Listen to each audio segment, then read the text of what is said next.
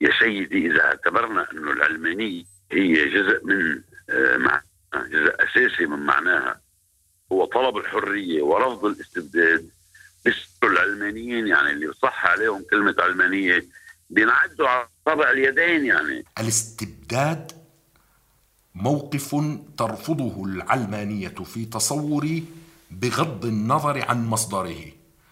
كثير من العلمانيين اختار أن يواجه الاستبداد بالمصدر الديني وأن يسكت بل الأدهى أن يتحالف أيضا مع الاستبداد بالمصدر ذي المصدر السياسي.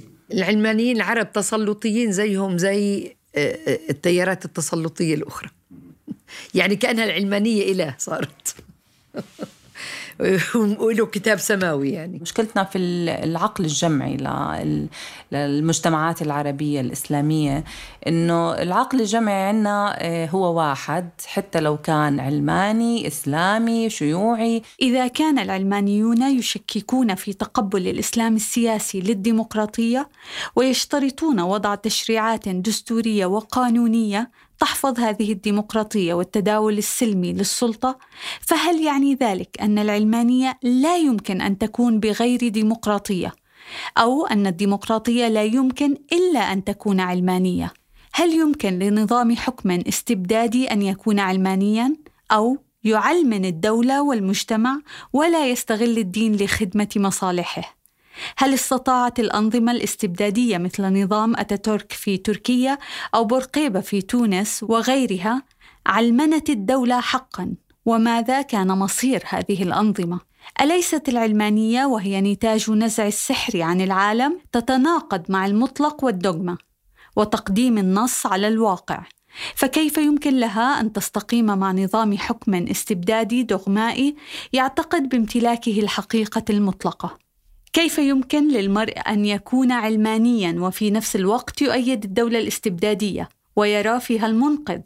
هل يمكن اعتبار العلماني المؤيد لهذه الدولة علماني حقا يقف حياديا ازاء الدين كما ينبغي للعلمانية أن تكون أم مجرد معاد للدين؟ تستمعون إلى الحلقة السابعة من ضمن عشر حلقات. سوف تتناول العلمانية وعلاقتها بالدين والديمقراطية والجدل الدائر حول إمكانية تطبيقها في العالم وتأتيكم عبر منصة صوت. أعد المحاور وأدار النقاش إبراهيم غرايبة ومحمد عمر. إعداد إذاعي سوسن زايدة ومحمد حجازي.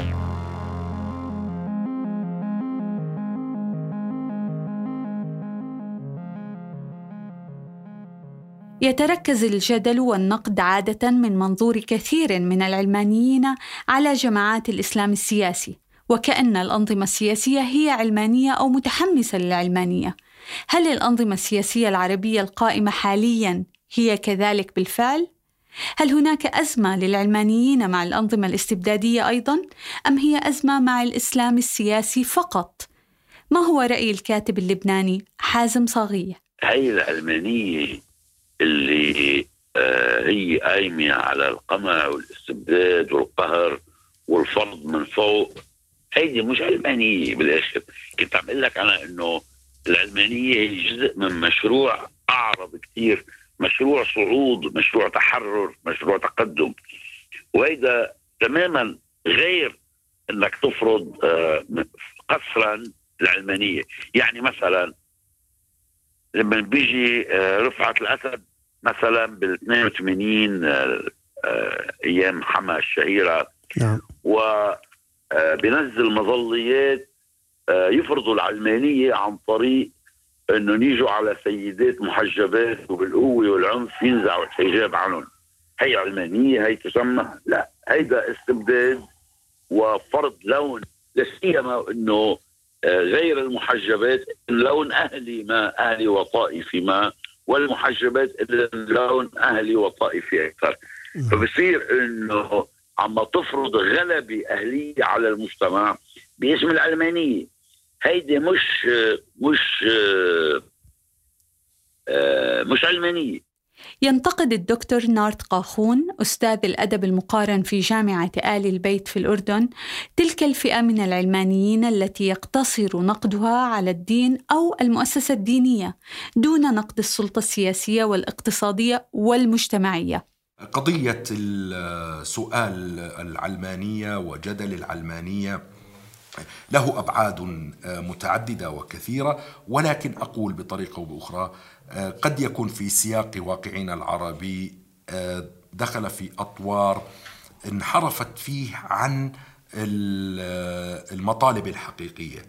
فلذلك تجد عفوا كثير يعني تجد بعض العلمانيين اختصوا تصورهم العلماني بنقد ونقد السلطة الدينية سواء بوصف الخطأ الدين بما هو الدين أو المؤسسة الدينية. ولم يوجهوا النقد ذاته وهو نقد جذري لتجليات أخرى من السلطة. تتجلى في السلطة السياسية والسلطة الاقتصادية والسلطة المجتمعية. فهذا الاختزال لهذا الشكل قد يكون في مرحلة من المراحل آه، مطلوبا ومحبوبا وال آه، مرحبا به ومدعوما آه، ممن سيكون مستفيدا من انحصار الجدل في إطار السلطة الدينية وتغيب السلطة السياسية عن موضع الجدل. الاستبداد موقف ترفضه العلمانية في تصوري بغض النظر عن مصدره. كثير من العلمانيين اختار أن يواجه الاستبداد بالمصدر الديني وأن يسكت بل الأدهى أن يتحالف أيضا مع الاستبداد بالمصدر ذي المصدر السياسي.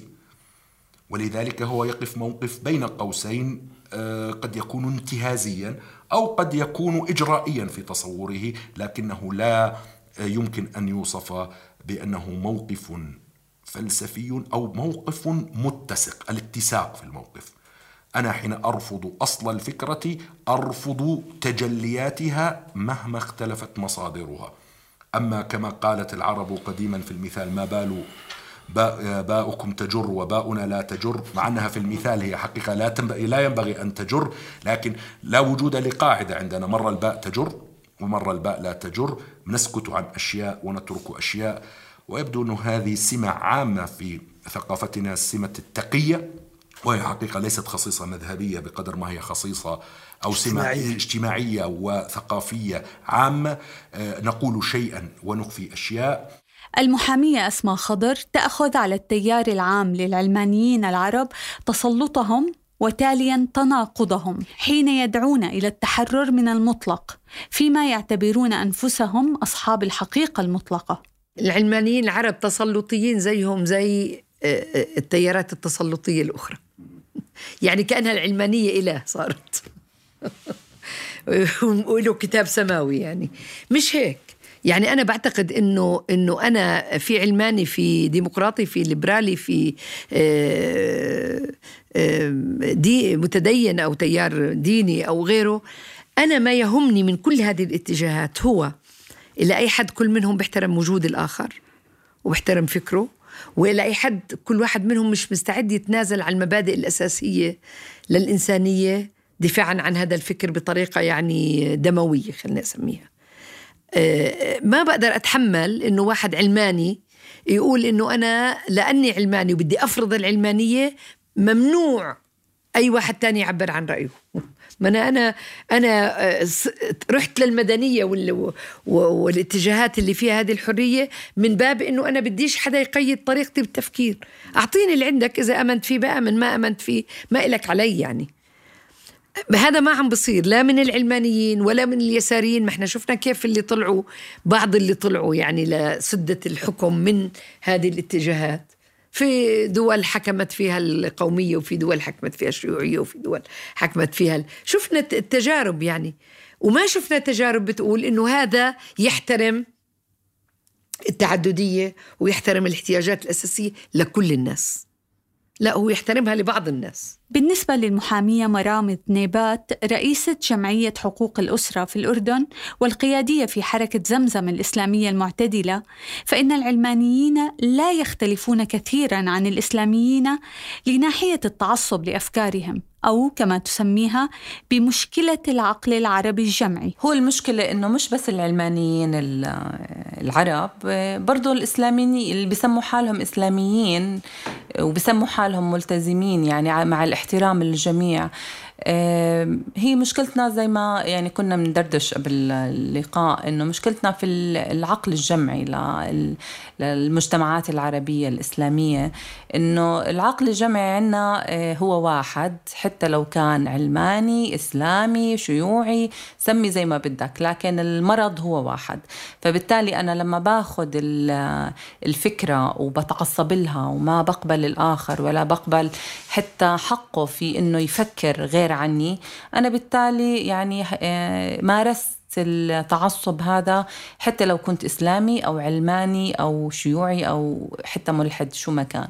فبالتالي هي مش مشكلة آه، علماني ولا مشكلة إسلامي ولا أي مشكلة بيسموا حالهم حسب الأيديولوجيات تبعتهم.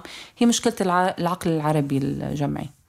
الذي يميل إلى التعصب والذي يميل إلى أخذ الفكرة آه، والتمترس خلفها وكأنها دين. يعني العلماني عم بيمارس العلمانية كأنه دين. بالضبط كأنه دين. فبالتالي آه، أصبحت ممارسته آه، فيها تعصب. إحنا عم ننادي إنه حتى المتدين والملتزم أن يعني يحترم الغير ويحترم رأي الآخر ويحترم آه، إيمان أو كفر الآخر. لأنه أنت لست بالإله اللي تحكم على الناس أو تدخلهم الجنة والنار. أنت المفروض تكون تدعو للخير آه، بعملك وسلوكك وليس بأقوالك أو حكمك على الناس. يأخذ الباحث في جامعة أوروبا الوسطى العراقي حارث حسن على بعض العلمانيين العرب تطرفهم بحيث لا تعود مشكلته المطالبة بنظام حكم قائم على رابطة القانون والمواطنة بل يصبح ضد الدين وهو ما ليس غرض العلماني. طبعا من حق اي أي شخص أن يكون عنده موقف. يعني أنا أنا أصف نفسي أيضا بالعلماني بمعنى أنا أؤمن بنظام اجتماعي سياسي قائم على الرابطه القانونية المواطناتية. آه، لكن المشكلة هي عندما تأخذ العلمانيه إلى مدى آه، بها آه، إلى مدى متطرف بحيث تصبح في مواجهة الدين. وهذه ليست وظيفة العلمانيه هذه قد تكون وظيفة الإلحاد مثلا. باعتباره أيضا فلسفي يقوم على منظومة اعتقادية مناوئة للدين لكن العلمانية ليس هذا هو غرض. يرى الدكتور أنس طريقي المحاضر في جامعة القيروان بتونس أن العلمانية هي حرية الفرد أن يكون مشرعا لحياته. إذا هي عملية تحرر وليست استبدادا أو ضد الدين. في كلتا الحالتين لا تعني اللائكية كما لا تعني العلمانية. طردا للدين من حياة البشر. إنما هي إنما هما في الواقع آه، آه، خيارا إنسانيا هدفهما تنظيم التعايش تنظيم التعايش البشري تنظيم التعايش بين الناس ذوي التصورات الدينية المختلفة. في سياق سياسي آه، يسعى إلى أن يمنح الجميع حرية أن يكون مشرعا لحياته من داخل هذه الأداة السياسية هذه التي هي الدولة على قدم المساواة أي بصرف النظر عن الانتماءات الانتماءات الدينية والأخلاقية إن شاء الله. والحال نفسه تقريبا عند الدكتور حي الغرايبة المحاضر بكلية الشريعة في الجامعة الأردنية. فهو يرى أن الطرفين الإسلاميين والعلمانيين لا يمتلكان تصورا حقيقيا للواقع العربي. يعني أعتقد أنه في عندنا إحنا فئتين آه، موجودات في, الم... في هذا المجال. ناس من ينسب نفسه إلى الدين وإلى الإسلام وهو لا يفقه. الفقه السياسي الحقيقي ولا فقه السلطة ولا فقه السياسة ولا فقه التاريخ بطريقة صحيحة.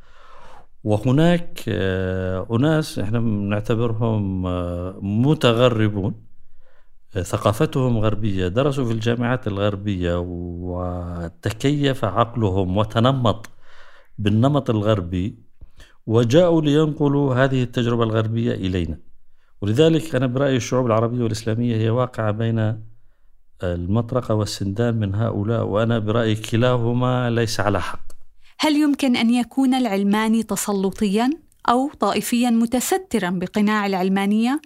أو علمانية هي دين معكوس؟ أم أن العلمانية مشروطة بالتحرر والحرية؟ ما رأي الكاتب حازم صغية إذا اعتبرنا أن العلمانية هي جزء من آه، مع جزء أساسي من معناها هو طلب الحرية ورفض الاستبداد العلمانيين يعني اللي صح عليهم كلمة علمانية بينعدوا على طبع اليدين يعني. إذا اعتبرنا أنت